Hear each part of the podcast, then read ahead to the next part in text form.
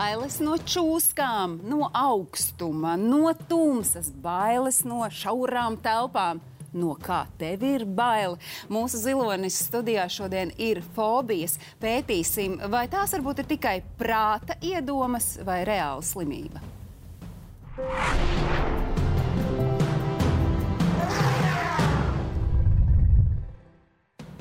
Kas tad ir fobija? Trauksmes izraisīti traucējumi, kas liek izjust ārkārtējas, arī iracionālas bailes saistībā ar kādu konkrētu situāciju. Labi, ka mēs šodien nelidojam, jo tad divu viesu no diviem, kas mums šobrīd ir studijā, visticamāk šeit nebūtu, jo runāt par fobijām pie mums ir atnācis mūziķis, komiķis un cilvēks, kurš baidās lidot, Edgars Bāliņš, un vēl pie mums ir tekstu autore, televīzijas redaktore Dita Katlapa, kurai ir ne tikai bail lidot, Dita ir emetofobe un baidās arī. Tas ir vēl, viens, vēl viena papildus sadaļa no baktērijām un vīrusiem, bet ko tas viss nozīmē, to mēs noskaidrosim pēc īsa brīža. Sāksim ar aerofobiju, jeb bailēm no lidošanas.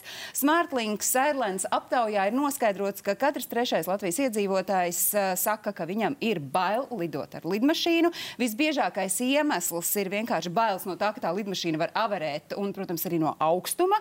Un 6% aptaujāto saka, ka viņiem ir bail no turbulencēm, jeb gaisa bedrēm, kas var piemeklēt lidojuma laikā. Nu, tagad lidmašīna reāli sāk kratīt. Edgar, kas no šī tevī norezonē? Pilnīgi viss. Nu, Nenorezonē, bet tikai iet cauri kauliem, es drīzāk teiktu. Tad no, vairāk... Bet no kā visvairāk ir bail? Noteikti nu, tās avārijas situācijas. Tā, kā, ka, ka, nu, tā visa, ka ka tā lidmašīna kristu zemē, jo, kā mēs labi zinām, 98% parasti tās krīt parasti, zemē. Jā, 98% lidmašīna krīt zemē, un viss beidzas letāli un tam līdzīgi. Un, um, laikam no tās sajūtas bail kaut kā visvairāk. Tad tas nozīmē, ka Singapūras satīns ārzemēs nekad, nekad nekoncertēs, vai arī ļoti tuvās ārzemēs, Ir. jo tu nelidos? Nē, mēs koncertējām šo tikko vasara bija, un mēs koncertējām Lielbritānijā Jāņos. Kā tas notika? Nokļuvi tur. Ar lidmašīnu, kas ir interesanti. Aha. Ir jau dažādi paņēmieni, kā tā lidmašīnā sevi var iemānīt. Bet pirms tiem pamēņie, pamē, paņēmieniem, kad tu pirmo reizi lidoji, kas ar tevi notika tajā pirmajā reizē? Mm, es, es pat neatceros, bet tad laikam jau tad nebija baigi omulīgi. Bet tad, tad kaut kā tās bailes tikai ir gājušas plašumā, nevis mazinājušās. Teikt, varbūt. nu, kā, nu, ba nebija baigi omulīgi, izklausās ļoti labi, un ar to var tikt galā. Kas notiek ar tevi lidojot? Nu, lūk, tas ir ļoti atkarīgs no tā, nu, kā jau teicu, ir dažādi paņēmieni, kā dabūt lidmašīnā. Es nenoliekšos, ka es lietoju dažādas uh, vielas, lai varētu nomierināt, nomierinošas vielas. Dažas, kurām ir grādi arī. Dažas... Jā, bet piedod, bet uh, pir, nu, tad, kad tu pirmo reizi lidoji, tad, kad tu nezināji, ka tev ir arī kaut kāda Jā. paņēmiena, kā ar to var būt mazināt to, to sajūtu, kas tev ir. Kas Jā. notiek? Tevī? Jā, es saku, ja es tās vielas nelietotu, tad, tad manī notiek absolūta panika, bailes. Es sēžu pārlicis kaputs pāri, uzlicis skaļāko mūziku, trīcu, baidos un skaitu pāterus un visu iespējamo, lai kaut tikai viss tas ātrāk beigtos un saku sev, es nekad mūžā vairs nelidošu. Šī ir pēdējā reize, kāpēc man to vajag. Dita, klausoties uh, Edgarā, kas tavā prātā iezogas, ja tev tagad būtu jākāpj lidmašīnā? Um, es nezinu, īstenībā man laikam nav tik traki kā Edgars. Uh, man īstenībā ir ļoti līdzīgs. Arī lietoju dažādas šķidras substances, lai varētu pārdzīvot lidojumus. Parasti tas ir vīns. Um, bet, Alkohola lietošana ir kaitīga ļoti veselībai. Bet, ja gribam lidot, bet, ja gribam lidot, var to darīt. Jā. Man īstenībā es sapratu, ka patiesībā es nezinu, kā ar tevi, bet uh, man ir ļoti atkarīgs arī no līdzsabiedrības. Iespējams, ir tādas, kurās es kā, saprotu, ka man pārāk daudz kratu un tas man vienkārši nestrādā. Bet tā turbulence tāds... arī tevi uztrauc. Jā, jā viss arī pilnīgi viss tas pats, kas bija Edgaram. Man katrs kaut kāds tur krakšķis, brakšķis vai drebēklis tajā lidmašīnā man izraisa paniku. Um, jā. kā tas izpaužas? Kā tā panika tev izpaužas? Es parasti vienkārši krampējos iekšā sēdekļu, sēdekļos un vienkārši cenšos skrīdēt vienā punktā un cerēt, ka nekas nenotiks. Nu, jā. Kas notiek tajā brīdī, kad stūrts uh, vai stūrti sāk tādā raitākā solī uz priekšu uz atpakaļ staigāt turbulences laikā, piemēram, un liek visiem apsēsties? Piesprādzēties. Mm. Man ir bijis, ka tas stūrts vienā brīdī kā kaut, ka, kaut kas jocīgs noskan, tā kā tā ir mašīnā. Un pēkšņi viss ķērs pielicis kājā un sāk staigāt turp šurp. Un kāds, ok, viss pēdējā stundā ir klāta. Visu labu. Bet, Dīta, tu savukārt esi mums uzaicināta nu, kā tāda buķa ķetes eksperte. Ja tā varētu teikt, emetofobe. Jā. Es nezinu, nu, labi, es nojaušu, kas tas ir, bet Edgars nezina minējums, kas tas varētu būt. Mm, es izlasīju, kas tas ir. Ai, es esmu sodīts. Bet kas tas ir? Tā vispār tas izklausās emetofobija no kaut kāda.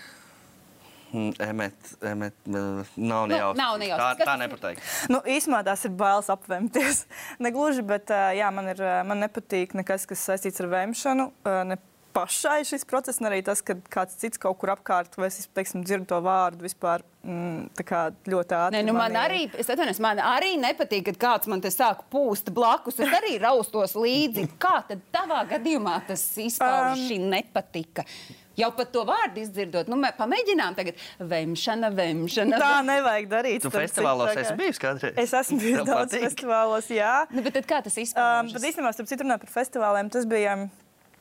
Kaut kādos tīņu jaunie, jaunības, tur agrās jaunības gados, kad apkārt visi vēmi, man tas netraucēja. Es pati nekad neesmu vēmus no alkohola lai gan esmu lietojis, un es ne, ne, nerekomendēju. Ja. Bet uh, jā, man tas, es tiešām neesmu vēmus īstenībā kopš desmit gadu vecuma. Jā, man laikam vienkārši ir kaut kāda traumatiska bērnības pieredze ar to. Man tas kaut kā nav. Nu, Aha, nu par to bērnības pieredzi jā. mēs ārstam, psihoterapeitam pēc brīža pajautāsim. Bet nu, tad es tomēr gribu saprast, nepatika tas ir viens. Nu, man arī nepatīk. Edgaram arī simt punktu nepatīk. Vēmt? Ka vēmji kāds blakus vai pašam. Bet kas, nu, kā tas izpaužas? Tā nepatika. Uh, man sākas liela trauksme. Es sāku analizēt situācijas ļoti, ja kāds ir pateicis, ka viņam ir, viņš ir saindējies kaut kādā konkrētā vietā ar ēdienu. Es sāku domāt, vai es varēšu to konkrēto ēdienu, un es varu iet uz to konkrēto vietu kādreiz. Ja kādam ir bijis vīrus, tur nedodies uh, ziemā ar kaut kādiem bērniem saskarties, es parasti teiktu tādu trīs metru distanci tur, jo man vienkārši es zinu to, ka tur ir bērnu dārsts un tur var dabūt noravīrusu, rotovīrusu, visus vīrusus, kas saistīti ar šīm lietām tas viss man ir. Eh, es ļoti, ļoti izvairos. Bet, un, uh, man sākās. Fiziski tas kaut kā arī izpaužas. Tur es nezinu, svīst rokas. Uh, um, tas ir vairāk. Sākas. Es ļoti māku sev to kaut kā neizrādīt. Varbūt arī tāpēc esmu izlēmusi par šo runāt, tāpēc ka bieži vien Es to neizrādu, bet ļoti bieži arī noslēdzos. Līdz ar to, ja man kāds apkārt sāk kaut ko runāt par uh, vēmšanu vai kaut ko, man tas nav patīkami. Bet es varu saņemties un būt tajā vietā, bet iekšēji man ir tāds, ak, Dievs, ak, Dievs, ak, Dievs, ak, Dievs. Tā kā ļoti, ļoti seju tādiem tādām kaut kādai trauksmes uh, un panikas laikmai cauri iekšējā. Ir kāda ļoti spilgta atmiņa tev palikusi no tava dzīves gājuma, kad uh, šī emetofobija ir tev traucējusi ikdienā? Um, Tas nāk tādos viļņos. Man, man bija bērnībā ļoti traki, par ko mēs runāsim. Uh, tad man bija kaut kur jaunības, ap 23, kaut kur tajā laikā man bija kaut kāds tāds vilnis. Man pārgāja uz ilgu laiku, un tagad man atkal īstenībā ir sācies tāds vilnis, kurā es. Um, vienkārši vairāk par to piedomāju. Es vasarā tur nēstu kaut kādus jocīgus kebabus, vai no zivju restorāniem mēdz izvairīties, vai no tādām lietām, kas vienkārši tā kā sev kaut ko nobloķēju un neļauju izbaudīt to, ko citi cilvēki normāli izbauda. Varbūt. Neskaties filmu Triangle of Sadness. Lūdzu. Es esmu redzējis, un tas bija drausmīgi. Jo kāpēc, kāpēc viņi nevar skatīties vien, to, vai tu neiesaki? Aiz, aizspied ausis, jā. jā es... tur, ir tādi, tur ir tādi kadri, kur kuģī pēkšņi viss sāk vēmt apmēram. Un kāds 15 minūtes jā, noteikti. Tas ir šausmīgi smieklīgi. Šausmīgi smieklīgi. ļoti smieklīgi. Ir visiem... Vēl ir dažas uh, filmas, kuras uh, nevajadzētu skatīties, to starp Bet, sieviešu uh, seriālu. Starp citu, īstenībā ir tāda mājaslapa, ja nemaldos, viņa saucās uh, Does the Dog Die? Kur tu vari ieiet un apstīties to konkrēto lietu, kas tev nepatīk. Pieņemsim, ka mirst suņi filmās vai vēmju cilvēki. Vai, un tad neskatīties to jā, konkrēto kon filmu. Viņi parāda, à, kurā konkrētajā vietā. Jā. Par dažādām fobijām, jo vēl par citām fobijām mēs arī runāsim. Un tev ir vēl, nu tad es nesot eksperte, tomēr atļaujos secināt, ka emetofobijai tad seko līdzi arī šīs bailes no vīrusiem un no baktērijām. Jā, bet minimāli laikam bija šī mazāk. Es, kā, tas ir tiešām ļoti saistīts tieši ar šiem konkrētajiem vīrusiem. Teiksim, Covid, bring it on, dod šurp vienalga. Kā, bet, kas saistīts ar kaut kādām tādām lietām, tad nē.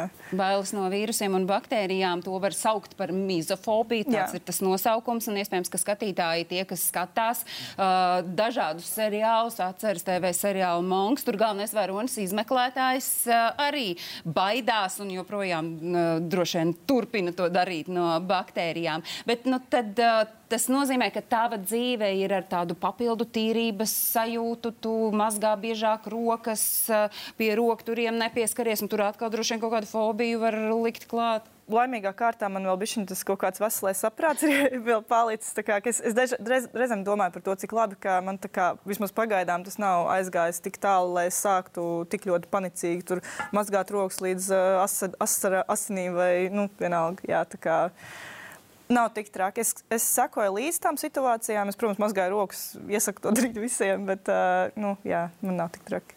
Bet uh, tu sacīki, ka ar Covid viss bija ļoti labi. Tur tevi nepiemeklēja ne, šīs nepatīkamās sajūtas, kas sako fobijai. Um, Ziniet, kā pats Covid nē, bet uh, Covid man sāka likt domāt vairāk par to, cik viegli var dabūt kaut kādus vīrusus un, un, un visu to pārējo. Un tad, kad ilgu laiku pasēdi mājās, izēja apakaļ sabiedrībā, un tur viss tie cilvēki, viņi to lien virsū, un viss ir tāds, jā. un tad un tajā brīdī sāk domāt, kā, jā, bet cik viegli var patiesībā dabūt tādas lietas. Jā. Bet kas tad ir par šo visu sakāms ārstam, psihoterapeitam? Un uh, vēl mēs arī skaidrosim, vai bailes no sievas vai vīrmātes ir fobija, un noskaidrosim arī, ja reiz tāda iespējams ir, kā to varētu saukt. Tas ir tas, ko uzzināsim pēc mirkļa.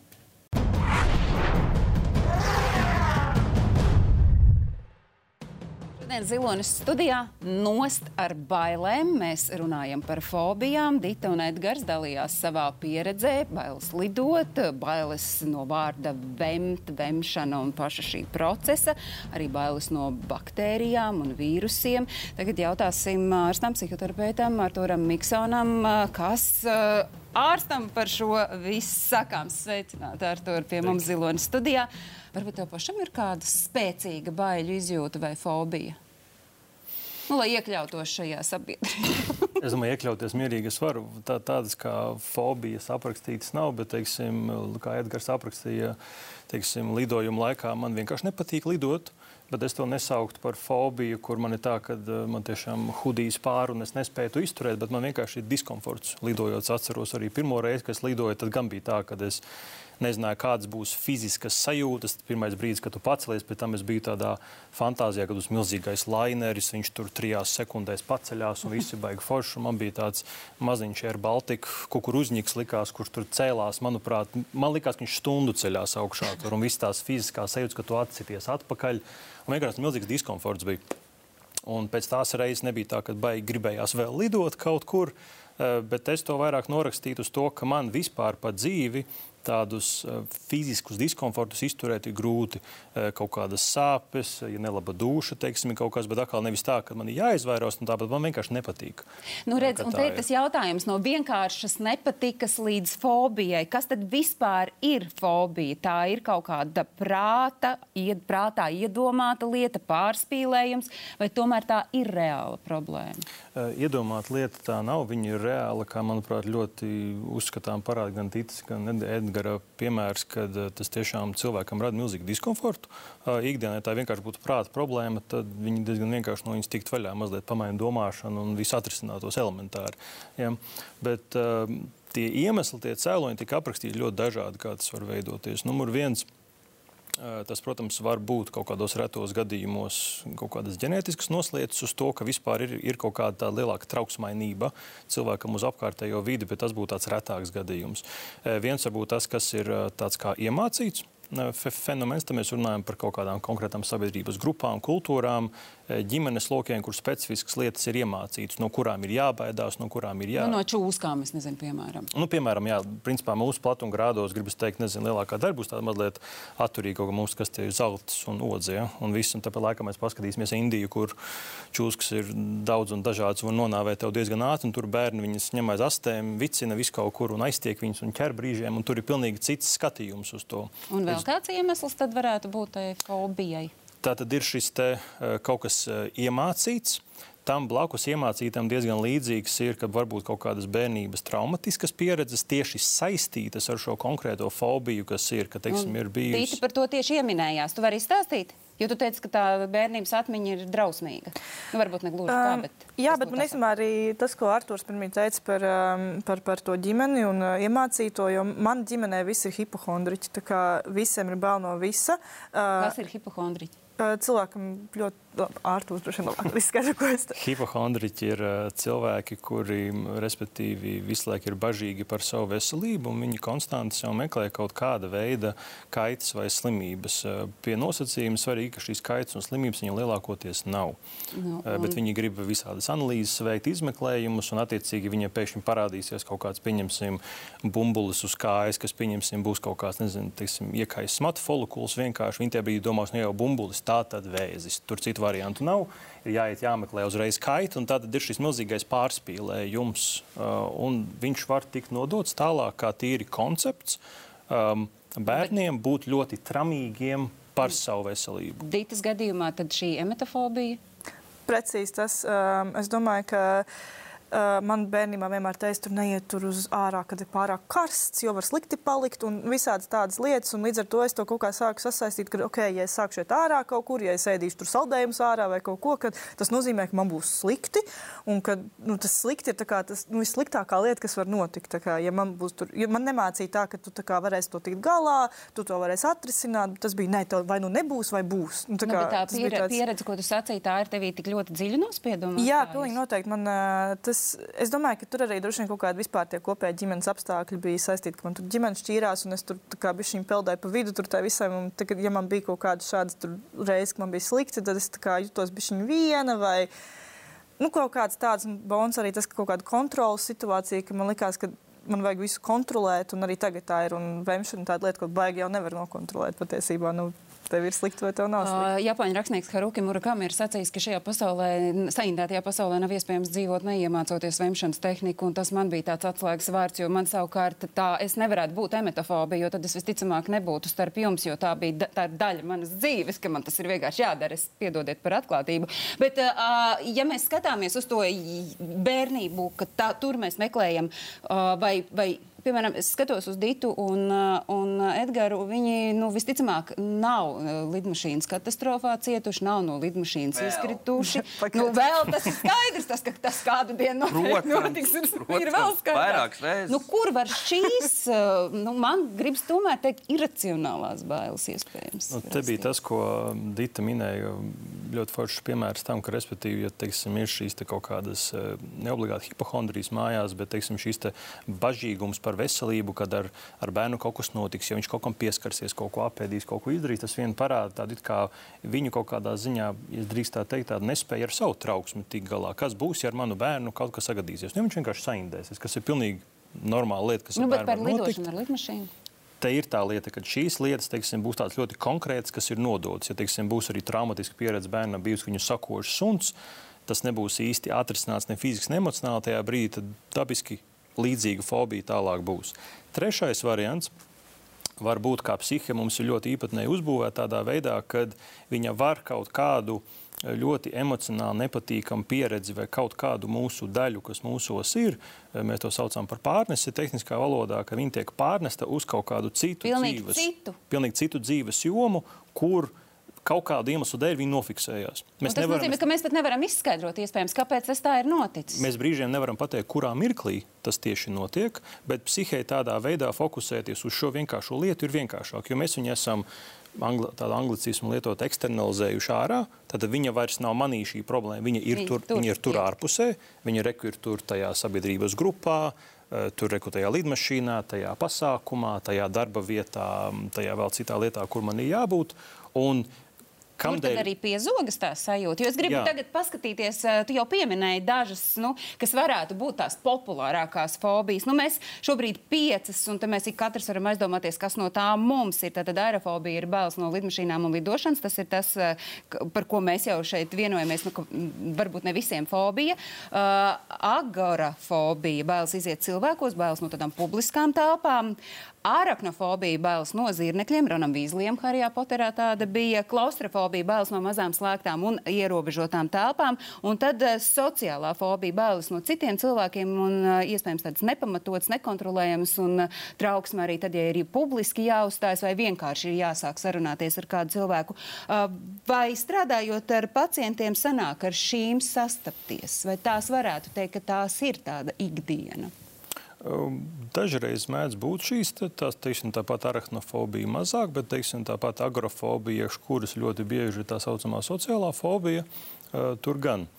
Eh, bet arī uz viņu var paskatīties ļoti dažādi. Nesen kā reiz vienā materiālā lasot, eh, interesanti bija minēts, ka, ja pastāstās agrofobija, tad nu, tas pēc būtības ir cilvēki, teiks, ka viņiem baila būt atklātās vietās, teiksim, atklātā vienkārši telpā. Bet tur var iekļauties arī, piemēram, ka viņi ir lielveikalos, pasākumos un tādējādi. Un tas vārds, pie kā mēs pieķersimies, jau atklāta vieta daudz cilvēku. Bet pēc būtības viena no lietām, par kuru viņi it kā netieši norāda, ir par kaut kāda veida distanci ar cilvēkiem. Un viņi ir pārāk cieši viņiem kaut kādā brīdī. Jo interesanti, ko ļoti bieži agorafobiskiem cilvēkiem var pamanīt, kuri ļoti sūdzēsies par to, ka viņiem ļoti bail būt cilvēkos, bet pašiem būt mājās, ka ar viņiem arī neviens nav, viņi arī negrib. Tātad tur ļoti bieži būs šis konflikts viņiem iekšēji starp to, cik lielu distanci ar cilvēkiem es gribu. Un tā problēma viņos būs, ka viņiem pašiem īsti nav šīs sajūtas, kā viņi var viņu modulēt un ja es esmu pakļauts dzīves notikumiem, ka mani vienkārši mētā starp šiem diviem stāvokļiem, visos cilvēkos un viens pats, un es nevaru atrast to vidusceļu kaut kur. Šo uh, pieminēto fobiju es vēl varu saprast, un vispār tās iepriekš minētās ir tā kā, nu, tā, tā ar prātu saprotamas, bet tad vēl ir dīvainas fobijas, uh, kurām man arī vispār liekas, kurš vispār tos nosaukumus izdomā. Tā tad, uh, ja kas skatītājs brīdina, ka var kāda bilde nepārāk jums iepatikties, trip hipofobija, bailes no caurumu vai atveru sakopojumiem. Daļa pētnieku uzskata, ka tās ir nevis bailes, jeb fobija, bet gan iespējams bioloģisks riebums. Jā, varētu tā būt. Potenciāli varētu būt, bet jautājums, vai tā iepriekšējā bilde, kas bija, ir eh, nu, reāli, ne, reāli cilvēkam tāda bijusi, vai tas ir tas, Nē, kā viņš prātā uzbūr sev galvā.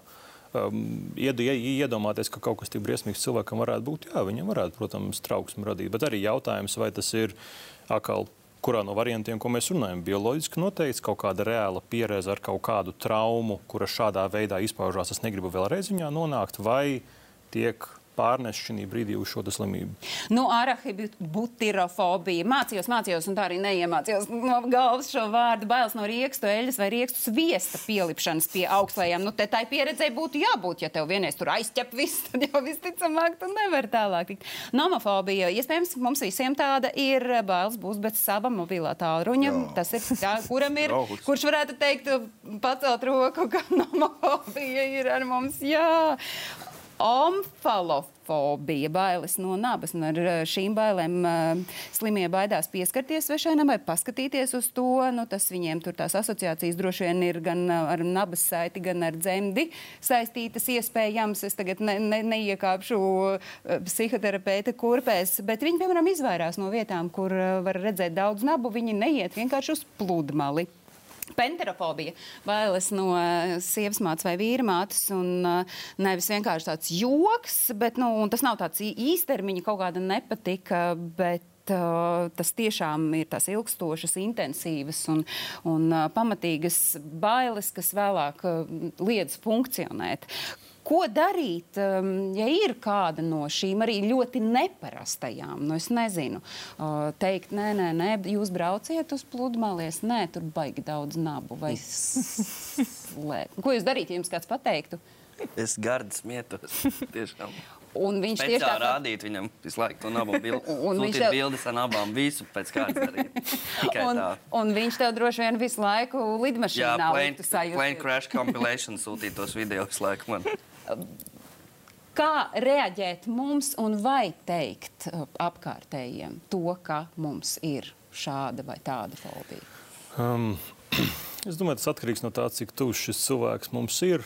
Ja, ja tas teiksim, ir kaut kāda tāda nu, tuvāku draugu pazīme, lokā, es domāju, tas ir tīri normāli, kad teiksim, izrietot no tā, ka Edgars teica, mēs varam negluži pasmieties par šo jautājumu ar domu, ka mēs tagad šo cilvēku izsmejam, bet ka mēs varam kaut kādā veidā varbūt to situāciju parādīt, cik nu, kaut kādā ziņā nu, absurda viņa var būt. Ar mērķi drīzāk nevis pasmieties un haha, tiec pats galā, bet varbūt reku, mēs varam iesmiet uz brīdiņu par to, bet varbūt mēs varam atrast veidu, Kā tev palīdzēt? Pieņemsim, varbūt pie gana daudz, nezinu, bilžu apskatus, tu tomēr domās, varbūt tomēr uz to pludmalī var aizdoties. Vai gana daudz lidojot. Bet par to, kā vispār ar to tikt galā, mēs vēl uh, raidījumā turpinājumā runāsim. Mazliet ieskicējām to sociālo fobiju, kas ir tad trauksme dažādās sociālās uh, situācijās, kurās tu nonāc. Nu, uh, protams, mēs nevaram pilnībā izvairīties no socializēšanās, un daļa varbūt teiks, nu jā, bet mēs jau latvieši esam tomēr tādi introverti, un galu galā mēs pat ārvalstu valstu kampaņās to izceļam. Nu, re, kur mēs karikatūru tūdaļ apskatīsimies, kur introvertais eh, latviešu rakstnieks nevar izturēt, ja kāds viņam trenējas tieši blakus. Mēs esam introverti, vai varbūt uh, mums tomēr uh, nu, lielai daļai latviešu ir tāda sociālā fobija, kā domā Dita un Edgars. Un Mēs esam nedaudz introverti, bet jo tālāk uz ziemeļiem, jo tas vēl izteiktāk ir tāda. To, tādu somu priekšā mēs esam karstasanīgi un ļoti sociāli cilvēki, man liekas. Un tad uz dienvidiem atkal itāļu, grieķi, tur, tur ir drausmīgi, jā. Tur, tur ir šausmīgi sociāli. Nu, es pilnībā piekrītu. Jā. Es arī noteikti neesmu pats draudzīgākais un sociālākais cilvēks uh, pasaulē. Man liekas, tas ir normāli. Es, es nezinu, man tas liekas pilnīgi normāli, ka cilvēki tādi ir. Un, uh, ja kādam vajag kaut kādu uh, atstatumu no manis, man, es to cienu, man liekas, pilnīgi ok. Nu, kurā brīdī tad mēs runājam? Atkal jau droši vien jāmēģina nošķirt, kad mēs runājam. Nu, es, mēs, es vienkārši esmu introverts, bet varbūt tomēr tās ir bailes un tā ir fobija socializēties. Bailes socializēties var būt, bet jautājums, eh, no kā mēs tajā brīdī tur baidamies, un tur būtu divi aspekti. Viens var būt kaut kas tajā, ar ko mēs tur saskarsimies. Mums ir bail, un attiecīgi līdzīgi kā pieminētajā variantā, ka teiksim, ir biedēts jau kopš bērnības, kas tur būs, kas tur notiks. Līdz ar to, diemžēl, mūsu smadzenes jau kopš agrīnas bērnības ir uztrenētas tajā brīdī nevis gaidīt tur kaut ko interesantu, aizraujošu draudzību, bet tieši pretēji meklēt kaut ko bīstamu tajā brīdī. Un tad, attiecīgi, ja mēs meklējam kaut ko bīstamu, tad socializācija kā tāda nav nekas baigi patīkams. Tas ir numur viens. Numur divi kas var būt vairāk tāds neapzināts process, ir iespējams ir gana daudz lietu, no kurām mēs baidamies paši tajā brīdī socializācijā, kad pieņemsim. Um, kā mums tieši uzvesties, ko mums darīt, kā mums rīkoties. Un, ja mēs šajā brīdī arī līdzīgi kaut kādās dzīves pieredzēs esam iemācīti, ka mēs esam uh, neveikli, nepareizi, stulbi, nemākulīgi un tā tālāk, tad, diemžēl, ar tieši tādu pašu uztveri uh, mēs dodamies uh, šajā komunikācijā, bet nevienmēr viņa var būt. Um, patiesa. Ja es drīkstētu izmantot Dītu kā piemēru, Jā, tad, drīkst, tāpēc jau viņa mums tad, uh, viņa, teiksim, tikko pirms brīža sakot, ka viņa ir tāda kā uh, noslēgta un nav baigais people person. Sorry, man sēžot blakus, vispār tā nešķiet.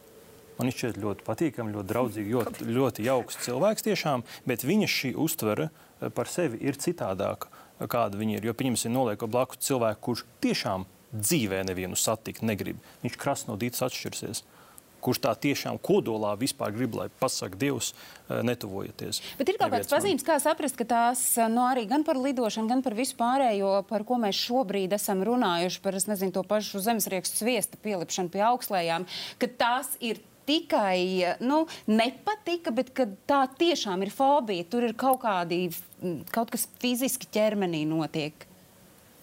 Nu, tur būs diezgan līdzīgas reakcijas, kā ja mēs kaut kā sadalītu, teiksim, kā, ja mēs nodalītu, kas ir bailes, kas ir trauksme, cilvēki ļoti bieži šo vārdu lieto, un kas ir fobija, tad baiļu gadījumā bailes ir pilnīgi normāla mūsu reakcija. Gadījumā, ka mums tiešām ir reāli kaut kādi draudi, ir pilnīgi normāli, ka mūsu baiļu reakcijai vajadzētu katalizēties. Vai mums kāds var uzbrukt, vai mūsu dzīvībai draud kaut kādas briesmas, vai mēs esam kaut kādā ļoti bīstamā situācijā, objektīvi bīstamā. Tad tas nozīmē, ka tad, kad lidmašīna krīt, Edgars drīkst baidīties. Tas ja? ir pilnīgi normāli. Tas ja ir normāli. Krīt, mēs visi drīkstam tajā brīdī baidīties. Viņa ir vispār. Labi, trauksme. tā jau man bail.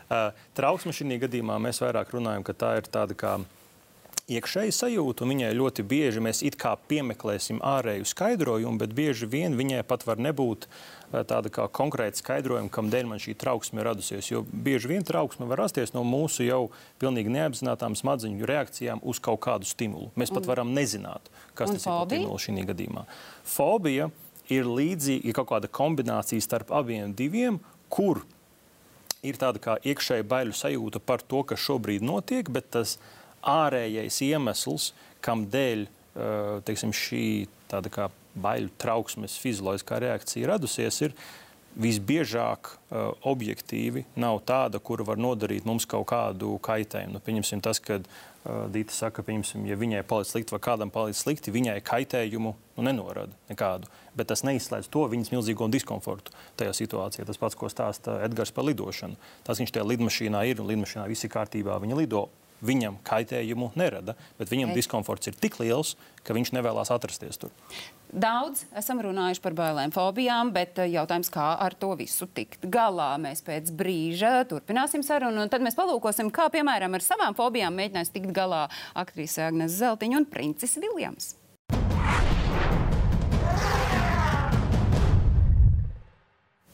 Jūs skatāties sarunu šovu zilonas studijā, un jūs tagad prasāt, nu, kur tad mums te ir tas zilonis? Zilonis ir tepat, zilonis ir fobijas, un tam līdzi nāk bailes un arī trauksmē. Dīta Katlapa, Edgars Bāliņš, Artūrs Miksons nonācām punktā, kā tikt galā un vai vispār tas ir iespējams. To mēs tūdaļ noskaidrosim. Uh, lai tiktu galā ar bailēm, tajās esot jāiet iekšā, tā saka tie, kuri to ir mēģinājuši. Agnes Zeltiņa par spīti tiešām trakām bailēm no augstuma, reizi ir kāpusi Pēterbaznīcas tornī.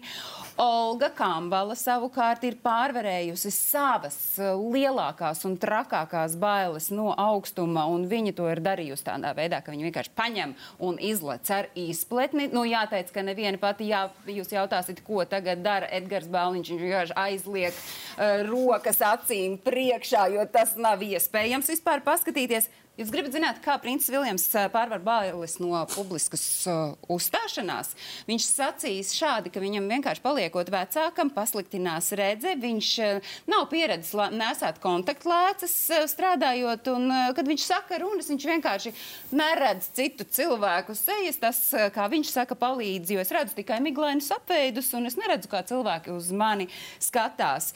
Kā tikt galā ar savu fobiju, ar savām milzīgajām bailēm lidojot. Atklāju lūdzu to savu recepti, jo es sākotnēji mazliet nocirtu to saknē. Jā, nu es noteikti nelikšu ar izpletni, kā, kā, kā drosmīgās dāmas, lai nekāpšu Pētera baznīcas tornī. Man no augsta man arī nenormāli bail. No trešā stāvis nevar paskatīties. Nu, vienkārši ir jāsakož zobus un jā, jā, jāizcieš un, un jā, jāber sev virsū tā statistika, ka visu laiku šobrīd gaisā atrodas tūkstotis lidmašīnas, kuras visas nonāk gala punktā un, un kaut kāds 0,0001%, kur notiek kāda ķibele. Ja? Un visticamāk, ka manā gadījumā tas nebūs. Uh, tad jādara mieru no, nomēr no šīs zāles un vēl visu to, ko mēs neiesakām lietot, to uzturēt kā tādu. Un vienkārši jās, jācer, ka, jācer, ka tu aizmigsi un nonāks galpunktā, un viss būs labi. Nekāda cita risinājuma nav. Man var visi, visi stāstīt cauri dienu, visi ārsti, psihoterapeiti, nu, lai, lai, lai viņiem laba veselība. ka, ka, tas viss ir manā galvā un viss pārējais man pilnīgi pie kājas. Ja? Es baidīšos visu mūžu, tad neko nevaru padarīt. Nu, metode, kad, uh, lai varētu vispār iekāpt tajā lidmašīnā, ko Edgars te minēja, tā, es saprotu, ļoti lielai daļai, kam bail no lidošanas, ir viens no atslēgas veidiem. Uh, ārstam droši vien ir savs viedoklis par šādu Ne, tam uh, nav nevainas pēc būtības. Tur svarīgākais jau pie fobijām ir, kad fobija atšķirībā no iepriekšējiem, ka mēs runājam vienkārši bailēm vai trauksmes. Fobija ir tendence, ka mēs vienkārši no tās lietas, no kuras ir izteikta fobija, mēs izvairamies. Es pieļauju, ja būtu iespēja um, Edgaram dzīvot savu dzīvi, nelidojot nekur, viņš visticamāk lidmašīnai netuvotos. Vispār es pieņemu. Lūk, nu, bet uh, iespējams dzīvē viņam kaut, kā, kaut kādas, nezinu, attiecības, uh, draudzības, karjeras iespējas kaut kas prasa kaut kādā brīdī lidot, un viņam tad vienmēr ir izvēle. Vai viņš lidos, vai viņš nelidos. Viņš, protams, var iet nezinu, garāku ceļu, braukt ar mašīnu, vai ar prāmi, vai kaut kādas citas lietas darīt. Ja? Bet tad vienkārši ir izvēle, kā tu to dari. Un, ja tu saproti, nē, es gribu piespiesties un to izdarīt, tad viens no variantiem, protams, ir mēģināt tīri tādu. Nu, sisties cauri vienkārši tām bailēm. Tad katram, nu, un šī gadījumā es teiktu, kā, ka, es piedod, kā tās izšanās cauri notiek? Es teikšu, katram sava metode šī gadījumā būs. Vienam palīdzēs, ka viņam ir tūs cilvēks blakus, kurš viņš šī gadījumā atbalsta. Citam palīdzēs tas, ka viņš ir izplānojis katru vietu, kur viņš kā sēdēs, kas kā būs, kā tā diena lidojums, kā tā lidojums paies pa, pa minūtēm. Nezinu, sēdēšu, strādāšu datorā, lasīšu, vēl kaut ko darīšu. Citam pilnīgi normāli var lietot nomierinošos līdzekļus, piemēram. Pieļauju, ka nezinu, studijā nedrīkst to vārdu lietot kaut kādiem iemesliem dēļ, bet, manuprāt, pilnīgi normāli, ka cilvēki dzer alkoholu. Nu, kāpēc es atvainojos, ieejot lidostā, ja mēs par lidošanu tieši konkrēti runājam? Kāpēc viens no pirmajiem veikaliem vispār 2, 3, 4, 5 ir tie, kur tu vari aizme, aizmēgtām acīm aiziet? Viņi zina, ka tur tikai alkohols un smaržas, kas arī ir alkohols. Odekolona. Nu, labi, bet, uh, nu, tas ir uh, sisties cauri, bet uh, Edgarā es saklausīju nu, tādu milzu skepsi. Nu, jūs man te varat stāstīt visu, ko jūs gribat. Tāpat man vienmēr būs bail lidot, un tā ir mana fobija, kas man ir mūžu mūžos un āmen, un man ar to ir jāsadzīvo. Tiešām? Nu, nu te lūk, būs um, nu, tehniski jāsadzīvo tik izteikti, kā Edgaram. Nu, Nevis, ka nevajadzētu, bet ir metodas, kas palīdz tikt ar to galā. Bet, protams, tur jau problēma ir tāda, ka, ja viņiem ir tik milzīgas bāžas lidot, tad ejot uz jebkuru veidu terapiju, vai viņš izvēlēsies KBT, kas ir kognitīva behaviorāla terapija, vai dinamiskā terapija, kas daudz dziļākus iemeslus tam meklē, viņam nāksies par šiem jautājumiem runāt. Bet tas ir par jebkuru fobiju runājot. Tas ir par, tas ir par jebkuru fobiju runājot. Bet, ja viņi jau ir tādi, ka pat ieraugot viņam bildi vai paceļot to tematu, nepatīk, tad dabiski viņam pat ideja par terapiju kā tādu ir nepatīkama kas ir pilnībā man saprotami, kādēļ ir nevēlēšanās vispār. Nu, Bet vispār jums ir bijuši mēģinājumi iet terapijā saistībā tieši ar šo fobiju? Jā, Un? es esmu gājis. Uh, es atsākšu drīz atkal, es biju paņēmis nelielu pauzīti, bet uh, bija labāk. Es arī patiesībā lietoju antidepresantus, kas man arī palīdzēja. Um, palīdz joprojām patiesībā to trauksmi mazināt, nedaudz to iekšējo. Es sāku viņa racionālāk par tām lietām domāt. Man nav tā, ka es, es, es jūtu pati, kā es, eh, ja sanāk, es būtu iekšēji uzsprāgus katru un analizējis katru lietu, ko es daru, tad tagad man tā bišķiņa tāds, tāds eudits saņemies. Tā kā nav tik traki vienkārši. Bet no ārsta psihoterapeita pieredzes ir kāds gadījums, kad uh, es vienkārši zinu vienu konkrētu cilvēku, kuram ir paniskas bailes no žurkām, diemžēl nenoskaidroju, kā šo fobiju sauc. Vai var nonākt cilvēks ejot terapijā tādā punktā, kad viņš mierīgi skatās žurku bildes un beigās vēl paņem mājās žurku kā mīļdzīvnieku. Tādi gadījumi ir dzirdēti, protams, kur ir kaut kāda izteikta fobija bijusi, un tad pēkšņi radikāli mēs redzam, kā kaut kas mainās. Tur gan es teikšu, ir mm, tāds interesants psihikas process, acīm redzot, notiek, kad visticamāk kaut kāda iemesla dēļ tā milzīgā fobija tiek aizvietot ar kaut ko citu. Šī gadījumā ir daži cilvēki, kas ir dzirdēti, kas to fobiju mazina tādu pārekspozīciju, ka, ka respektīvi tas, nozīmē, ka mēs sevi pārpludinām ar to stimulu. Eh, kas mūs biedē šajā brīdī. Ja nezinu, cilvēki, kuriem pieņemsim, nezinu, bail no suņiem, tad viņi tiek iemesti kaut kādā aplokā, kur nezinu, pilns ar kaut kādiem zelta retrieveriem un labradoriem, kas nezinu, labvēlīgākais suns kāds ir. Viņi tur čubina aiztiek viņus, un tās smadz, brīdī smadzenes tik ļoti pārlādēta. Kad viņi vienā brīdī vienkārši pāruzbudinās un nomierinās. Hipnoze, hipnoterapija varētu līdzēt? Nemācīšu komentēt eh, par hipnoterapiju konkrēti, bet te svarīgi piebilst, ir, ka ja mēs vairāk runājam, ne tik daudz reku bail no žurkām, nespējuši paņemt žurku mājās, bet manuprāt, tas ir pilnīgi normāli, ka cilvēkiem, kuriem liela daļa dzīves šī fobija ir bijusi, ir pilnīgi normāli domāt, ka vienā brīdī pat ar viņu ļoti labi tiekot galā, viņa tāpat aiztiks tevi mazliet. Man ļoti patīk viens uh, komiksiņš, ko ļoti bieži pacientiem stāsta, ka viņi bieži vien stāsta jebkuru savu dzīves traumu vai pieredzi, ka nu, kamdēļ joprojām tas man uzvelk, kamdēļ tas man satrauc un tā tālāk. Un tas komiksiņš bija, kur tāda kā karikatūra, kur maza maz meitnīca stāv pie letes un taisa kafijas krūzi, un tur aizmugurē tas, tas milzīgs tāds astoņkāju briesmonis, viņš atnāk, viņu apķer, aprīvi krūzīt iet pa gaisu, un tur apakšā, ko nu kurā komisā ierakst, nezinu, tur trauksme, depresija, kaut kādas sajūtas. Un tad bija pēc terapijas, pēc kaut kāda laika viņa joprojām taisa krūzī, tur pienāca tās maziņš astoņkājas un bakst viņu. Un viņa saka, mm -hmm. nu, ko tu gribi?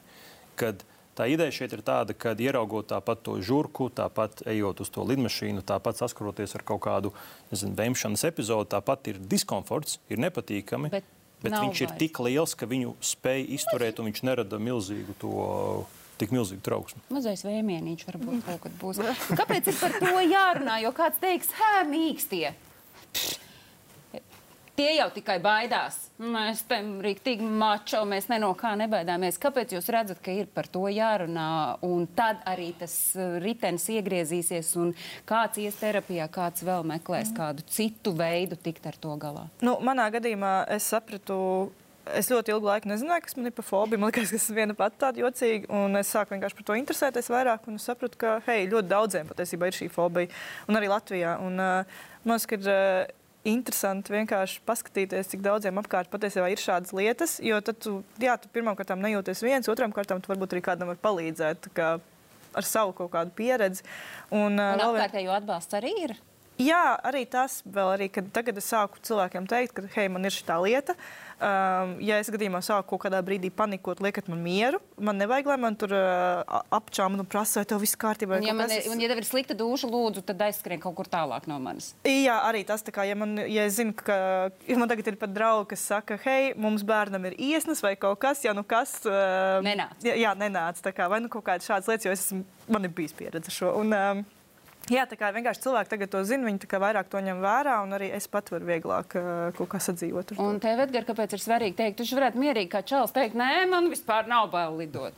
Ne, mēs uh, vienā, vienā laikam Vēstures baletē ar dziļu vielu sausu Nauru Brikmanu atklājām, ka mums abiem ir šausmīgi bail lidot, un tad sacentāmies, kuram ir vairāk bail.